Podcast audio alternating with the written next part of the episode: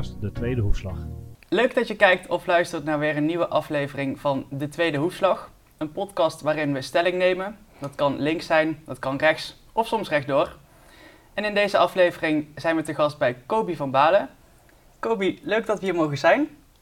Hoe is het met je? Heel goed. Ja, Ja. ik kan wel zeggen, voor mij doen heb ik een zomer gehad dat ik erg veel thuis geweest ben, wat minder eh, de wedstrijden bezocht. Maar eh, nee, het gaat eh, weer heel goed. Ja. Dat is mooi. We zijn niet zomaar eh, bij iemand te gast. Natuurlijk ehm, het team zilver op de Olympische Spelen van Sydney 2000. Hè? Ehm, ook de, de moeder van, van Marlies natuurlijk, die op de Olympische Spelen in Tokio in actie is gekomen. Ehm, dit jaar even wat minder in, de, in de picture gestaan, Marlies, door Go Legend. Hoe is het met Go Legend? Gaat weer de goede kant op. Hij had eh, eigenlijk kort voor de tweede selectie, dus na het NK, wat de eerste was, eh, dus voor Exlo de tweede, eh, ineens een, een, een, een, een, zakje achter zijn elleboog. Wat later bleek dat het een beet was van een teek. En dat had zich doorgezet echt naar zijn lymfebaan. Die is ontstoken geweest. En daarna een allergische reactie erop, op de hele huid gekregen. Ehm, ja, het was vrij ongewoon voor ons, omdat je eigenlijk meestal teken verwacht in een bosrijke omgeving. En dan zitten we hier echt eh, op het platteland. Maar tegenwoordig schijnt het ook echt wel voor te komen in het gras. En Marlies liet hem elke avond eh, in het gras eh, grazen. Wel aan de hand, maar ja goed, het is toch daar gebeurd. Want per toeval hadden we die weken nog één die een tekenbeet had. Konden we er gelijk uitpakken. En eh, die is er eigenlijk gewoon fluitend doorheen gegaan. Maar Go Legend is echt eh, heel ziek geweest. En eh, begint nu pas weer een beetje in shape te komen. Ja, voor, ehm, als je naar Hoeslag Premium gaat, kun je, kun je het filmpje zien. We zijn net even bij Go Legend geweest, maar ziet er nu goed uit, hè? Ja, zeker. Dat, dat Ja. is fijn. Ehm, ja, het WK in Herning zit er ook net op. Ehm, heb je het nauwlettend gevolgd? Ja, zeker, zeker. Erg trots op het Nederlands team en Alex natuurlijk. Ja, ik vind dat de meiden buitengewoon gereden hebben. Dan hebben we het nu eigenlijk alleen maar over de dressuur. Maar het springen was natuurlijk ook fantastisch en de paradressuur helemaal boven geweldig. Dus ik denk wel echt weer dat eh, Nederland mooi op de kaart staat na Herning. Ja, ja. Ik heb daarvoor meteen een eh, leuke stelling, een eh, prikkelende stelling. Oké. Ehm, vier vrouwen in een team is de sleutel naar succes. ah, ik denk niet dat het echt te maken heeft met vrouwen. Maar het zijn natuurlijk deze vier, alle vier buitengewone mooie combinaties. En ook wat nieuwe combinaties, wat nieuwe gezichten. Dat is natuurlijk gewoon hartstikke goed eh, voor het land ook weer, voor de hele ontwikkeling. En ja, ze hebben goed gereden eh, met Dinja natuurlijk als absolute kopvrouw met prachtige scores. Ja, en eh, dat was nu wel de sleutel tot succes. Maar het heeft niets te maken, eh, voor mijn gevoel, met eh, vrouwen of mannen. Of, eh, Nee. nee. dat niet. Nee, want de reden dat ik de stelling erin had gezet is, want weet je dat de laatste keer dat er vier vrouwen in een groot team zaten met dressuur, weet je wanneer dat was? Nee, 2002. oké. Weet je ook nog wie er toen in het team zaten? Ehm, 2002. In Geras? Nee, kan niet. Nee. Het was eh, Tineke, Ja? eh Ankie, Ja? Gondelien, Rootenberger Ja? en? Ja, dat was ik het zelf. Ja, Maar dat was in Geras? Of? het WK. Ja, Ja, oh, oké. dat was twintig jaar geleden dat er Ja. vier vrouwen in een team zaten ja, op de Wereldruiterspelen natuurlijk. ja, Dus het was wel, best wel bijzonder. ja, inderdaad. Ja. Ja. Nou ja, zo kan het, eh, kan het lopen.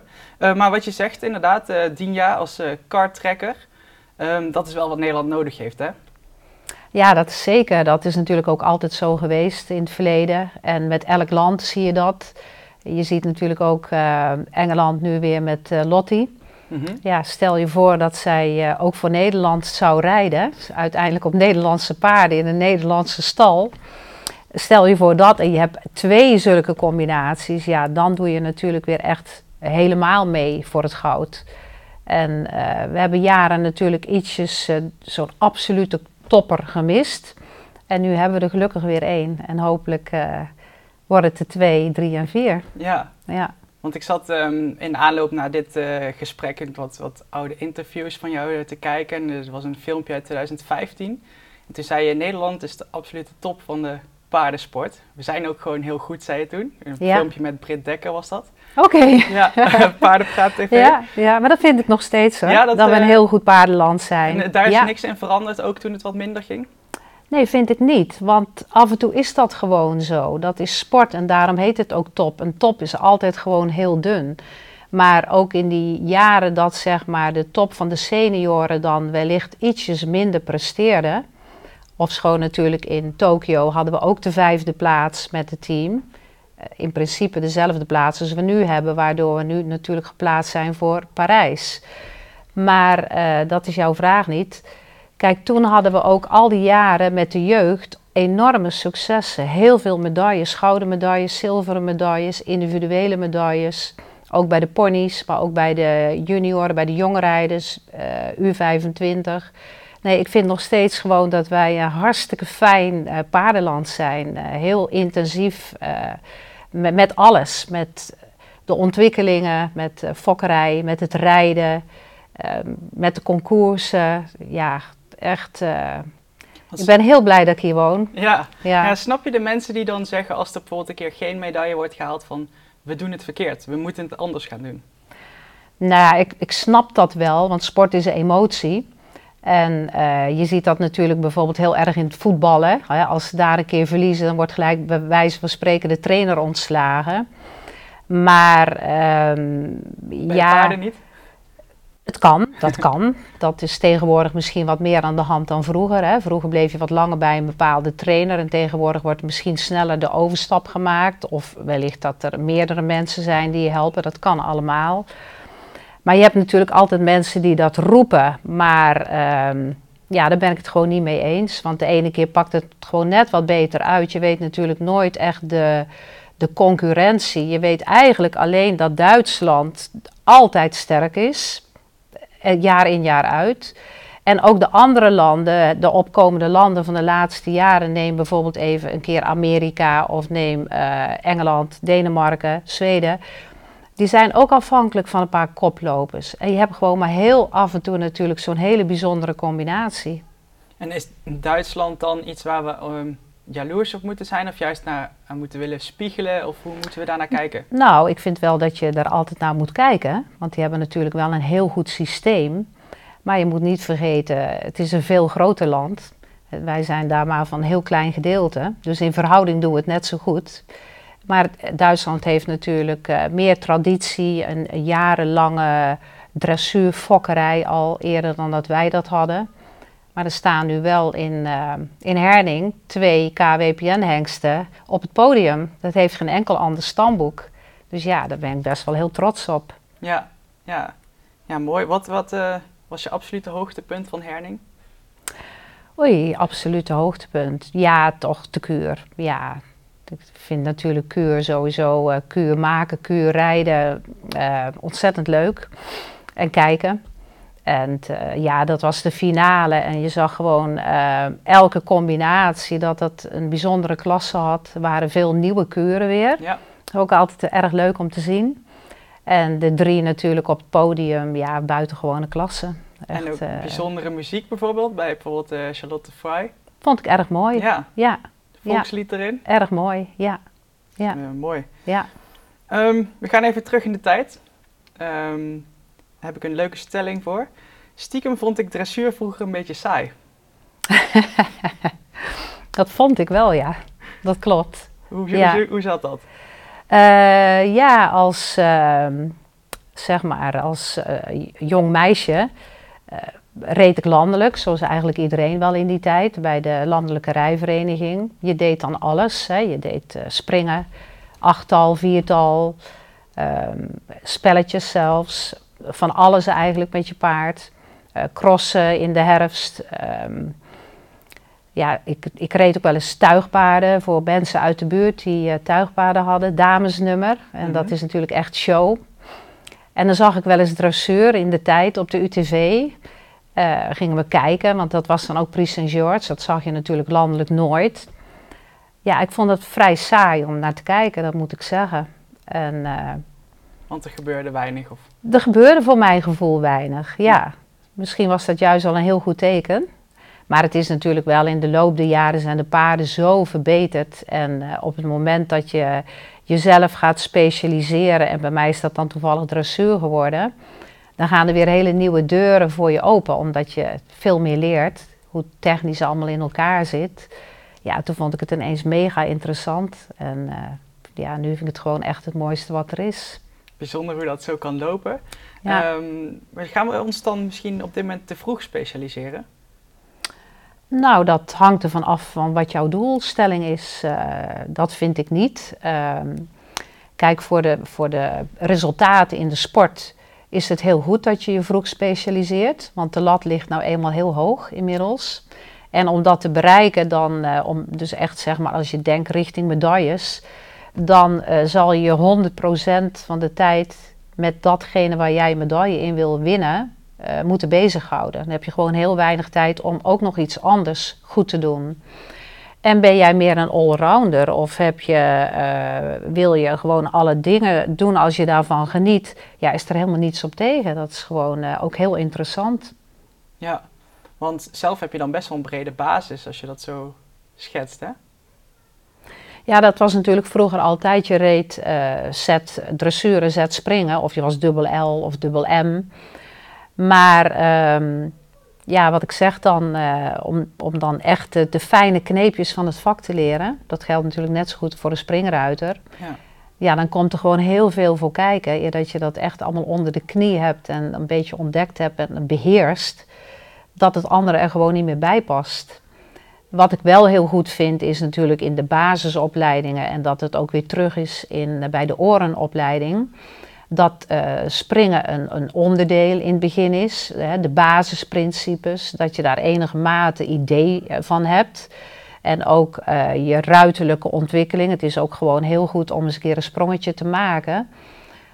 Je wordt er wat vrijer van en uh, ja, je gaat wat speelser om met je paard, laat ik het zo uitdrukken. Omdat je niet die enorme controle hebt, hè, als je gewoon dus lage sprongetjes maakt, zeg maar.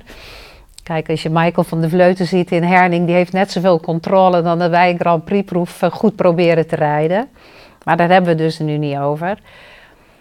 Nee, dus ja, dat, dat vind ik wel heel goed dat dat terug is. Dat je iets meer de algemene basis beheerst. Ja, om van daaruit ook je keuzes te maken. Mhm. En van daaruit kan je ook weer dingen natuurlijk meenemen die je uh, geleerd hebt in je, in andere discipline. Ja, want kun je eens vertellen over jouw situatie vroeger? Hoe, waar, uit wat voor gezin kwam je en hoe ben je met paarden in aanraking gekomen? ja, nou ik kwam uh, uit een uh, boerengezin.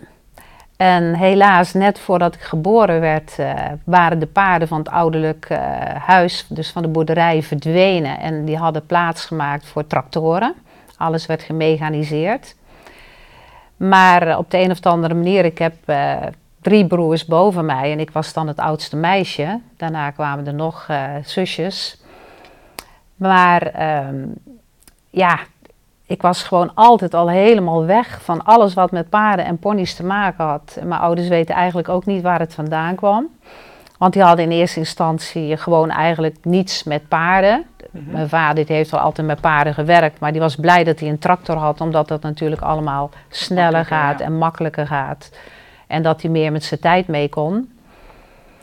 Ja, ik zocht het gewoon altijd op. En, uh, Weet je nog de eerste ontmoeting met een paard?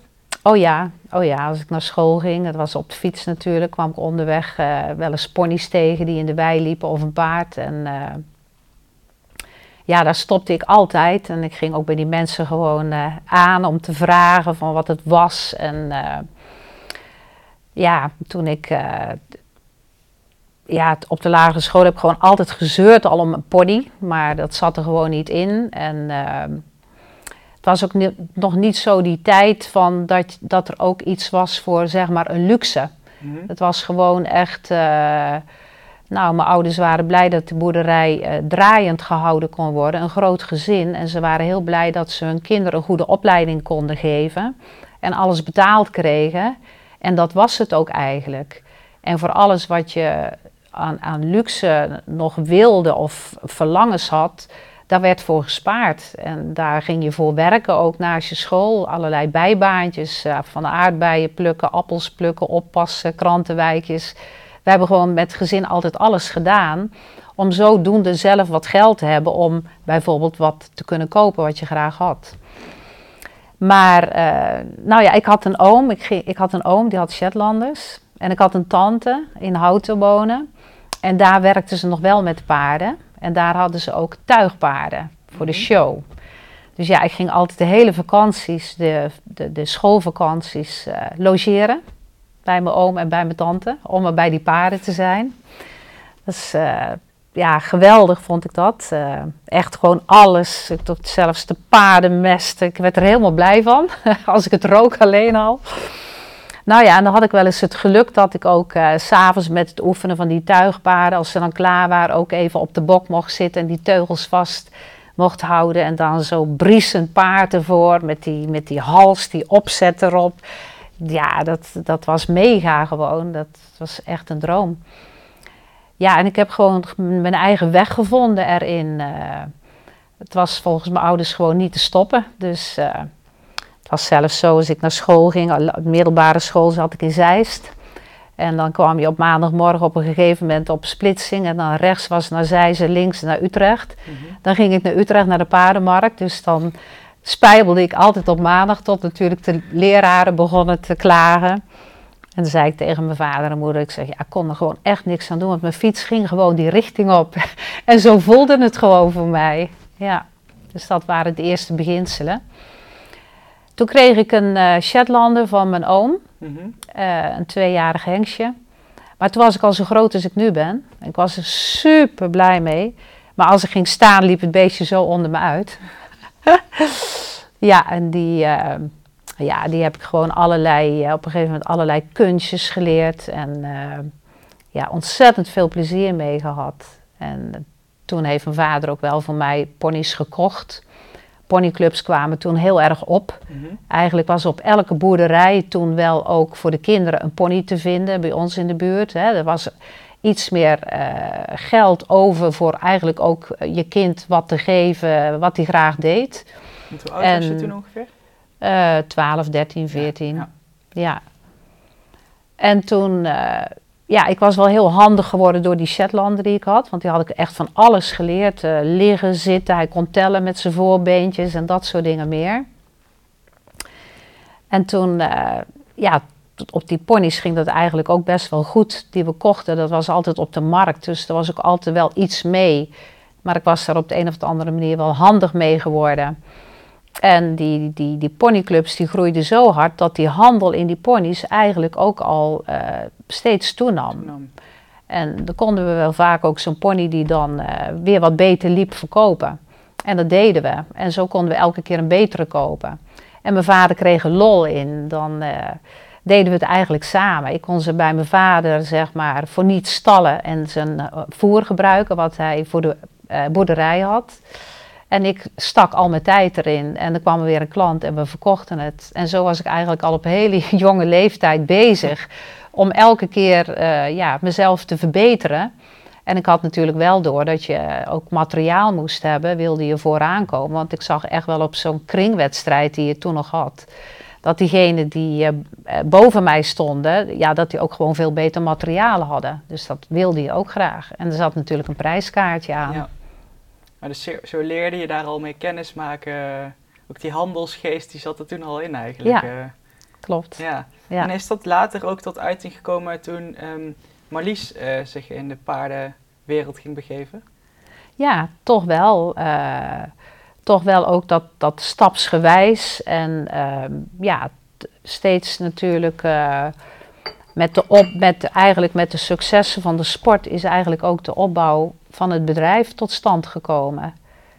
Dat, ehm, ja, het is een beetje een kringetje waar je op een gegeven moment in komt. Hè. Dan, uh, als er wat succes is, dan eh, vraagt iemand anders misschien ook naar een paard of een pony of die wil wat les hebben. En daardoor kan je zelf weer, eh, zo ging het althans in de beginjaren, betere instructie betalen. Ik heb altijd wel gezorgd en gezocht naar de allerbeste leermeesters die ik maar kon krijgen.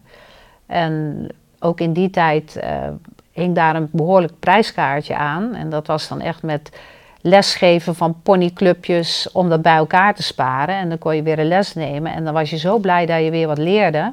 Ja, en van het een kwam het ander. Ja, en want eh, begreep ik het goed dat toen Marlies nog op de pony zat, dat er eerst een, uh, de pony verkocht moest worden, totdat een nieuwe pony voor Marlies uh, aangekocht kon worden? Zo was het wel. Ja. ja. Want als we nu hier om ons heen kijken, dan denken we, oh, die hebben het allemaal goed voor elkaar en uh, daar, die hebben het, de zaakjes goed op orde. Maar het is natuurlijk ook allemaal ooit begonnen. Ja, dat is zeker uh, ook begonnen. En uh, we hebben wel opgebouwd tot, tot dit. Ja, het is altijd wel onze insteek geweest van wat je doet, probeer je zo goed mogelijk te doen. En ja, mijn man en ik gewoon ook altijd wel echt die passie voor die paarden gehad. Mijn man heeft me ook altijd volledig ondersteund met alles wat ik deed. Die stond 200% achter mij en achter Marlies natuurlijk ook. En uh, we hebben het natuurlijk wel inderdaad allemaal opgebouwd. Maar het hielp natuurlijk wel een heel stuk al dat Arie ook zelf een fokkerij had. Mm hè, waardoor dat we wel al paarden hadden die weliswaar nog alles moesten leren.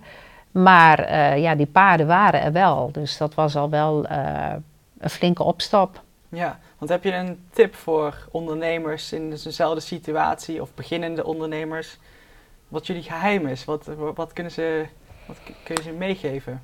Ja, geheim, geheim. Het, het, het is ook een, een, een passie om. Uh, ja, om alles zo goed mogelijk te doen. En om goed om je heen te kijken. Ik heb me ook altijd en nog steeds heel erg verdiept in de materie. En uh, ja, ook alles eraan gedaan om mezelf te bekwamen.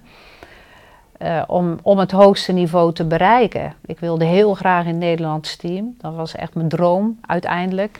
Uiteindelijk is het wel gelukt, maar het heeft lang geduurd. Een hoop hindernissen moeten nemen, waarvan mhm. je natuurlijk ook weer heel veel leert. En dat kan je allemaal weer gebruiken om uh, iemand te helpen. Ja, van allerlei situaties eigenlijk. Uh, ja, en, heb je nog een, een, les waarvan je denkt van nou dat, dat is echt iets wat ik aan iedereen kan meegeven als ik bijvoorbeeld zelf ook les geef of wat ik vroeger heb Het is niet één les, maar het zijn wel allemaal lessen. Het zijn allemaal eigenlijk wel ervaringen. Het is wel zo dat je eigenlijk alles wat ik tegenkom, of dat dat nu uh, op technische vlak is of op een mentale vlak, dat je het allemaal al wel eens een keer meegemaakt hebt, gezien hebt of uh, uit zo'n situatie bent gekomen.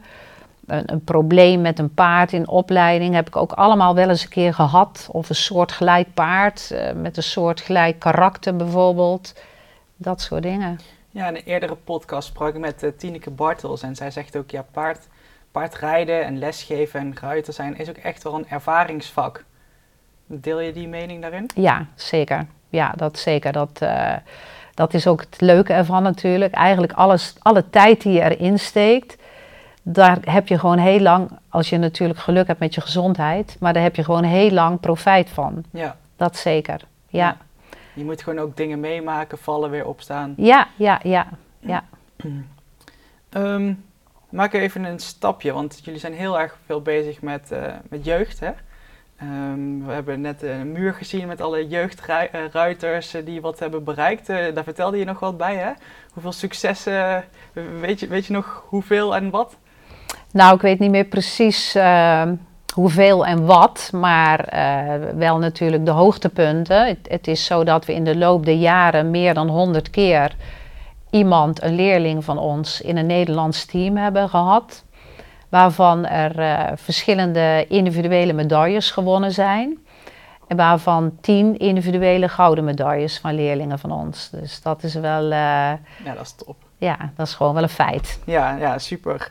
Um, vraag daarbij is: hoe kunnen we op dit moment de top van de jeugd breder krijgen? Of misschien nog breder krijgen?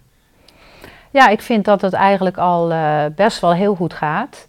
De U25 is er natuurlijk bijgekomen. Dat is een uh, bijzonder uh, goede tussenstap tussen zeg maar, de jongrijders en dan naar de senioren. Want dat mhm. was vroeger echt wel een heel gat, omdat je gewoon je gelijk uh, na dat jongrijders gebeuren moest meten met de top van, ja, gelijk van de wereld. Want dat is het dan uiteindelijk. Want de Nederlandse top is ook de top van de wereld. Hè? En nu heb je natuurlijk een tussensprong dat je nog uh, tussen je leeftijdsgenoten enige mate rijdt. En ook de proeven zitten ietsje simpeler in elkaar. Dan heb je net wat meer speling om het een en ander aan moeilijke en verzamelde oefeningen voor elkaar te krijgen. Dus dat mes snijdt aan twee kanten. Voor de ontwikkeling is het heel erg goed. Uh, als je nu bijvoorbeeld kijkt, uh, Tamar en Dinja hebben denk ik allebei uh, ja, heel succesvol ook. Ik weet niet of het toen al U25 heette, misschien Piaf-prijs of iets dergelijks. Maar die hebben ook die tussenklasse gereden. En um, ja. Maar denk je niet dat die stap nog steeds best wel groot is, van U25 naar senior? Ja, maar het is ook, het heet niet voor niets Grand Prix, hè? Mm -hmm. Het is ook moeilijk. Het is gewoon een moeilijke sport. En dat is ook de uitdaging. Het is de top. Hoger kan je niet komen. Dus het mag ook moeilijk zijn. En het is heel normaal dat uh, niet iedereen dat haalt of niet elk paard dat haalt. Kijk, ook niet iedereen haalt uh, de universiteit en dan iedereen wordt ook geen professor dan nog een keer of promoveert. Zo moet je het eigenlijk een beetje vergelijken. Dus ik zie niet dat de Oost ehm, voor ons land heel smal is. Tuurlijk wil je altijd meer en breder, maar moet je weer eens kijken dit jaar. We hebben een prachtig team daar uh, staan voor Nederland. En um, ja, ik denk dat, uh, dat dat zo, als dit zo zijn weg doorgaat, ja, dat dat geweldig is. Um, je bent wel afhankelijk natuurlijk ook van het behoud van je paarden. Dat is natuurlijk wel een heel belangrijk iets. Want uh, eigenlijk al mijn collega's die moeten ook leven van de paarden, net als wij. Dus af en toe moet je ook wel, dat kan ook een jonge paard zijn hoor, maar je moet ook af en toe wel heel goed materiaal verkopen. Wil je de cirkel rondhouden, wil je je sport kunnen bedrijven, wil je je bedrijf kunnen vernieuwen, kunnen updaten naar de eisen van deze tijd. wil je mee in het hele uh, commercie, in de hele circuit, moet je natuurlijk af en toe ook paarden verkopen.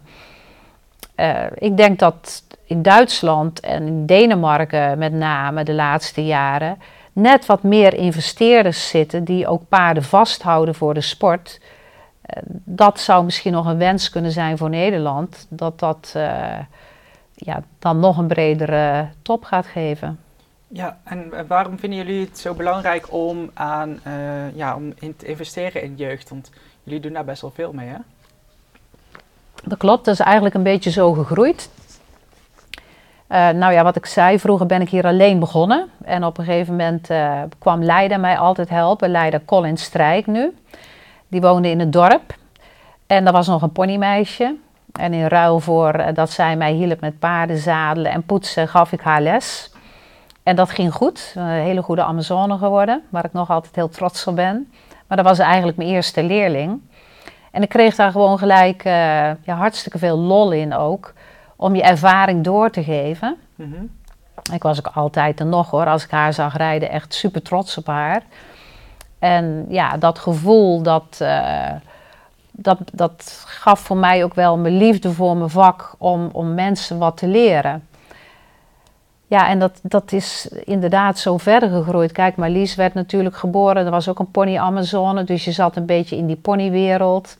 En zo kwam eigenlijk van het een het andere. En de pony wordt vanzelf een junior en een junior een jongrijder. En dan groeit dat weer door naar de senioren.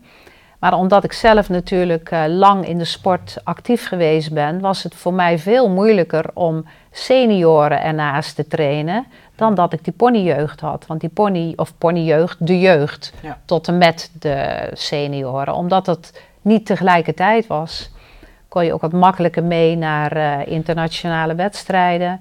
Omdat dat natuurlijk gewoon niet hetzelfde tijdsplan uh, was. Dus eigenlijk met zo gegroeid. Ja. Ja. Ja, ja, ja mooi. Um, ja, jullie leiden dus ook paarden daarvoor op, hè? Niet speciaal met het idee, uh, we leiden paarden op voor jeugd. Want we, leiden, we proberen gewoon paarden goed op te leiden. Dat ze, eh, de ene keer heb je een paard zeg maar, wat, wat meer geschikt is voor de Grand Prix, bij wijze van spreken. Uh, af en toe heb je een paard wat geschikt is voor de jeugd en later toch ook nog voor de Grand Prix. En af en toe heb je paarden die wat minder geschikt zijn voor de Grand Prix, maar die voldoende beweging hebben dat je zegt, nou, het kan een heel goed jeugdpaard zijn. En het kan ook een paard zijn die uh, ervaring genoeg heeft en daardoor een heel geschikt paard is weer voor uh, jeugd. Het kan ook een paard zijn die bijvoorbeeld uh, iets minder moet gaan doen vanwege zijn leeftijd en die voor de children bij wijze van spreken weer mooi inzetbaar is. Dus ja, het is heel divers. Ja. Zelf fokken of aankopen? Ja, zelf fokken. Ja. Tuurlijk kopen we wel eens wat aan, en zeker ook wel eens een veulentje. Mhm. Heel af en toe is een paard, niet heel vaak. Maar het is ontzettend leuk natuurlijk en uh, een uitdaging om zelf te fokken. En om die paarden weer te gaan rijden en om daar weer het beste uit te maken. Dan heb je toch wel echt een hele speciale band ermee. Ja, wat is je visie op de fokkerij en wat, wat vinden jullie zelf belangrijk? Ja, toch wel de algemene uh, eisen, eisen, karaktereigenschappen, wat iedereen benoemt natuurlijk. Een, een, een paard met een werkwillig karakter. Um, ja, het moet gewoon drie goede gangen hebben. Mooi, we houden wel van een mooi paard. Mooi om te zien. Mhm. Mijn man die was een ontzettende liefhebber. Heel vroeger al heel veel met Doruto gefokt. Er kwamen natuurlijk ook al goede dressuurpaarden van. En uh, ja, daar komen natuurlijk mooie paarden van over het algemeen. Maar uh, ja, die, die uh, ja, wat, wat, wat vind je mooi? Dat is natuurlijk, uh, mooi is goed, maar ja, ik hou zelf heel erg van een paard met een prachtig front natuurlijk. Als je erop zit, dat je ook echt het idee hebt dat je je paard voor je hebt staan. Paard met een krachtig achterbeen heb ik natuurlijk zelf gehad met Ferro. Ontzettend veel plezier van gehad en gemak van gehad als ze die kracht hebben achter. Ja, en zo is het eigenlijk kan ik wel doorgaan om alle goede eigenschappen te noemen, maar dat weet denk ik ook iedereen wel. Ja, maar je hebt natuurlijk toch je eigen accentjes, toch? Die je wilt toevoegen. Ja, het is uh, heel belangrijk natuurlijk ook uh, dat een paard graag wil, uh, wil werken, wil lopen. Maar het is ook wel hoe beter het gebouwd is en hoe beter het in elkaar zit, hoe, hoe meer mogelijkheden dat een paard hebt, des te fijner vaak is zijn karakter ook, omdat het hem natuurlijk ook allemaal makkelijk afgaat. Ja. En uh, ja, ik heb vroeger veel uh, hengsten gereden en veel merries die hoog stonden op keuringen. En dan praat ik over zo'n uh, 30, 40 jaar geleden. En dan is wel door het selectiesysteem van het KWPN in Nederland zijn de paarden enorm verbeterd. Echt enorm. De paarden zijn veel makkelijker te rijden, makkelijker aan de teugel te rijden in een goede houding, uh, betere beweging. Ja, het is, als je een paard ook uitprobeert, dan is het gewoon fijn natuurlijk als je zeg maar zitcomfort hebt. Dat, dat een paard heerlijk zit, je meeneemt, dus je, dat je je paard voor je hebt. En dat hij makkelijk stuurt in die zin dat hij gewoon licht aan de hulp is. Mm -hmm. En dat is uh, ja, de laatste jaren zoveel beter geworden. Dat is wel interessant wat je zegt, want vaak heb je ooit misschien een keer een droompaard gehad, hè, dat echt alles voor je, voor je deed en dat was helemaal top. Maar zou je kunnen voorstellen dat je bijvoorbeeld een, jaar, een, een paard van zoveel jaar geleden, wat in je hoofd inderdaad dat toppaard was, dat je dat nu nog zou kunnen rijden met de kwaliteiten van toen? Of die dan nu mee zou kunnen? Nou, ik denk het wel. Als je een compleet paard hebt. Kijk, als je zeg maar uh, ons zilveren team had van Sydney. Mm -hmm. Dat was al een bovengemiddeld kwaliteitsvol team qua paarden. Als je natuurlijk uh, Bonfire had. Nou ja, dat hoef ik niet nader te omschrijven. Meervoudig Olympisch kampioen geworden natuurlijk. Uh, omdat Ankie geweldig goed kon rijden. Maar ook de kwaliteiten van het paard. Had je Elle Bontje. Nou, dat was een Holsteiner hengst maar ook al voor die tijd geweldige kwaliteiten, veel beweging en ook een makkelijke piafpassage. En dan had je Arjan, Arjan met Goliath. Um, ook een paard met enorme uitgestrekte draf. Uh, ook een makkelijke piafpassage. En dan de vierde was Ferro.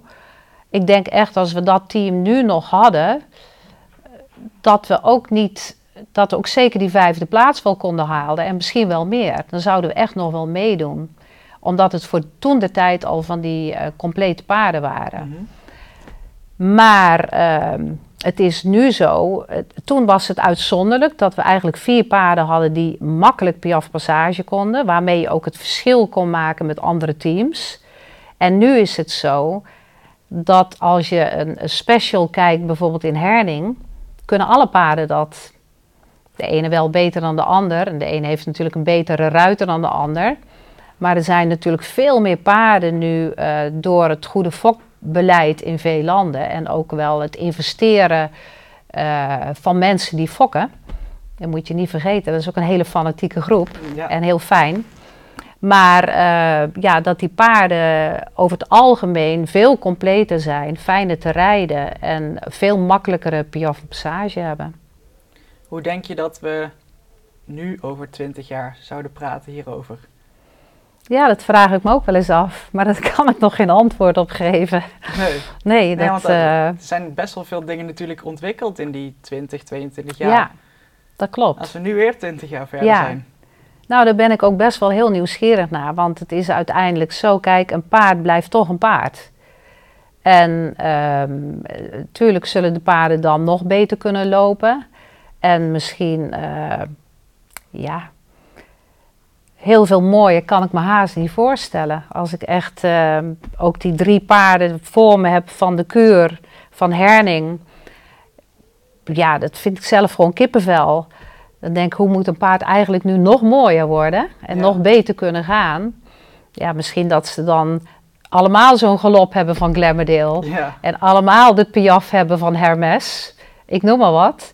En het hele lichtvoetige in de piaf passage van uh, Famos Amigos.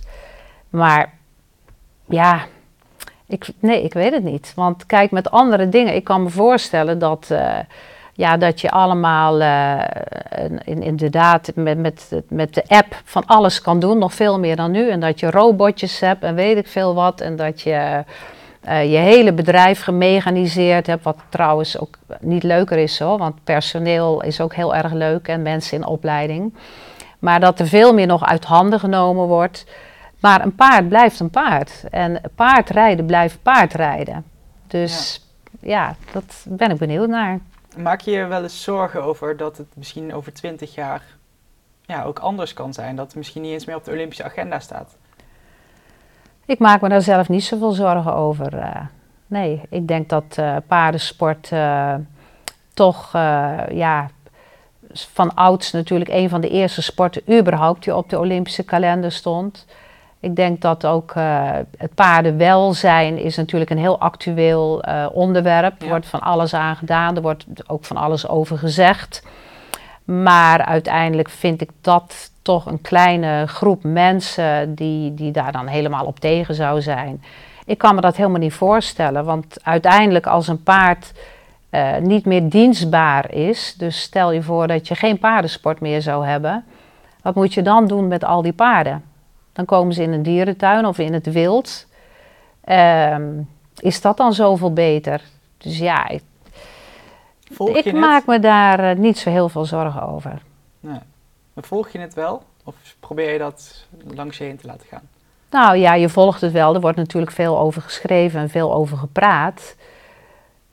Maar ja, kijk, als je kijkt, het paard is eigenlijk altijd in dienst geweest voor de mens. Hè? Vroeger natuurlijk uh, als trekpaard, als vervoersmiddel, uh, met koets. Nou ja, toen hebben we het erover gehad, kwam die mechanisatie. Het paard is ingezet altijd in het leger. Zelfs in Nederland hebben we een uh, fokkerij gehad, waar paarden voor het leger gefokt werden. Ja. Um, in Borkelo. Nou ja, dat wordt allemaal overbodig natuurlijk. En ik weet wel in die tijd dat de tractoren komen, dat kwamen, dat weet ik echt nog wel hoe er over gepraat werd ook. Dat uh, boerenfamilies toch bang waren dat die paarden zouden verdwijnen. Ja, waarheen verdwijnen ze dan? Want als het niemand meer wat doet met zo'n paard, dan gaat ook niemand ze onderhouden. Mhm. Ja, misschien een enkele liefhebber, maar je gaat geen uh, twintig paarden in de wei zetten waar je niets mee kan of niets aan hebt. Of waar je niet meer mee van huis kan gaan, waar je niet meer mee uh, kan fokken omdat je niet je fokproducten kan verkopen. Ja, en dan komt zo'n paard uh, in de natuur. Dan breekt hij zijn benen en dan ligt hij daar eh, dood te gaan drie weken lang, totdat hij overlijdt. Of eh, de, als je de hele natuur zijn gang laat gaan, de, hoe, moet je eens een foto bekijken als een wolf zo'n eh, pony te pakken gehad heeft, hoe dat eruit ziet. Dus ja, al met al denk ik dat we wel even realistisch moeten blijven. En natuurlijk zijn er altijd wel zaken die verbeterd moeten worden. En we moeten wel met elkaar ook onze uiterste best doen. Dat, eh, ja, dat je alles zo goed mogelijk vanuit je hart naar het paard toe met respect eh, benadert en behandelt. Maar ik denk dat we zeker in de sport met z'n allen heel erg goed zijn voor paarden. En dat die paarden echt ook wel een heel goed leven hebben. Er zijn wel andere zaken waar we ons eh, drukker over moeten maken, denk ik. Ja, nou ja, laten we dat er in ieder geval inhouden. Gaan we richting het einde. Ehm, want eh, ja, je hebt natuurlijk heel veel meegemaakt en we kunnen het wel in tien podcasts eh, uit gaan leggen allemaal. Maar waar ik nog wel even benieuwd naar ben, ehm daar had ik ook een stelling daarvan gemaakt van 2021 was de grootste achtbaan in mijn leven. Ja, 2021 was natuurlijk eh, door het ziekbed en het overlijden van Arie eh, heel moeilijk. Olympische Spelen van Marlies. Ja, het was weer een, weer. eh, ja, dat was natuurlijk weer buitengewoon dat ze dat haalden. En dat we daar geweest zijn. Dat is natuurlijk eh, iets eh, onaantastbaars in principe. De Olympische Spelen is gewoon het hoogste wat je kan halen. En iedereen wil daar ooit een keer komen. Althans, als je die, eh, Ja. die, eh, dat die doelstelling of doelstelling of droom hebt. Of, eh, ja, daar hebben we natuurlijk met z'n allen enorm voor gewerkt. En ook mijn man, eh, daar zijn in het verleden al eh, eh, ja, een soort een basis voor gelegd. Dat je in elk geval dat je altijd probeert om het hoogste te halen. En Marlies heeft het uiteindelijk natuurlijk zelf gedaan. Heel geweldig knap. En dat was prachtig. Dus al met al was het wel een heel beladen jaar. En door dat jaar zijn we ook met onze eigen jonge paarden wat achterop gekomen in de africhting. Nou geeft dat helemaal niets, want ehm, eh, ze waren ook jong zat. Maar dat is ook wel de reden dat ik dit jaar even wat minder op de wedstrijden geweest ben. Ook voor mijn leerlingen wel. Omdat we hier thuis eh, toch weer een slag wilden maken.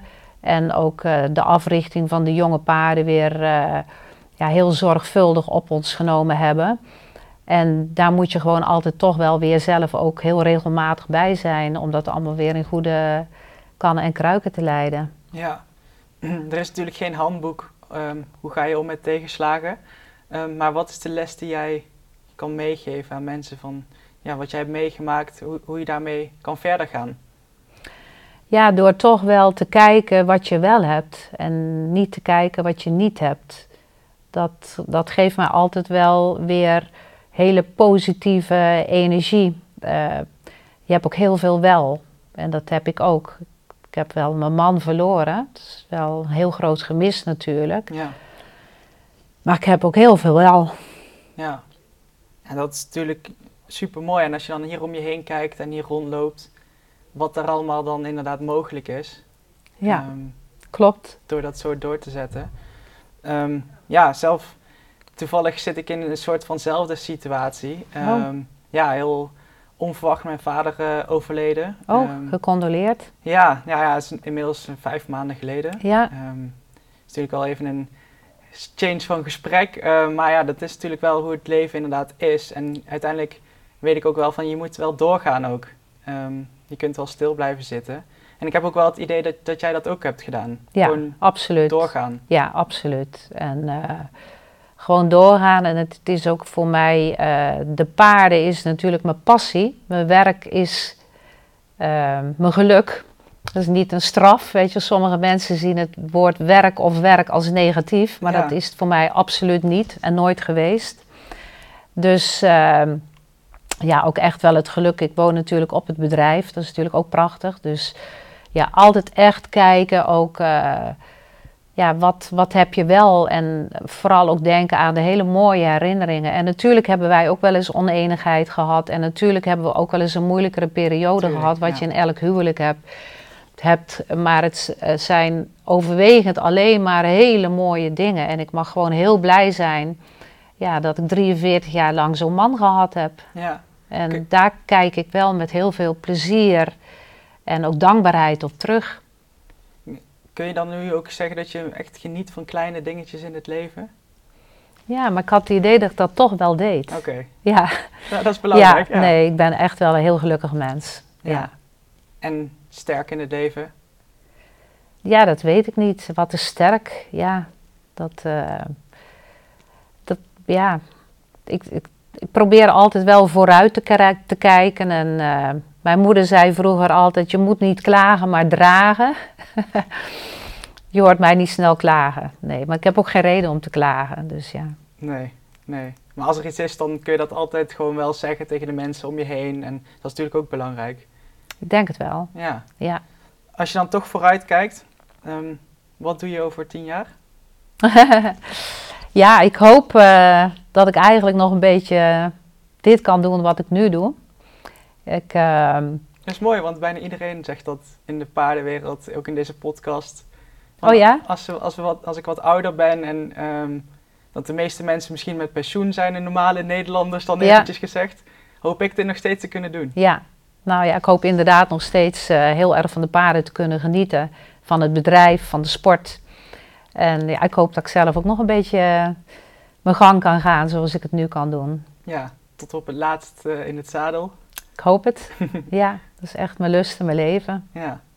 Nou, leuk. Dan ehm, hebben we een heleboel besproken. We kunnen nog wel uren erover praten natuurlijk. Ehm, maar dat doen we dan wel voor andere afleveringen. Ehm, bedankt in ieder geval voor het eh, kijken of luisteren naar eh, deze nieuwe podcast. Ehm, er staan nog veel meer podcasts van ons online, dus ga die absoluut eh, luisteren. Tot de volgende keer. Leuk dat je keek of luisterde naar deze podcast. Vond je hem nou leuk?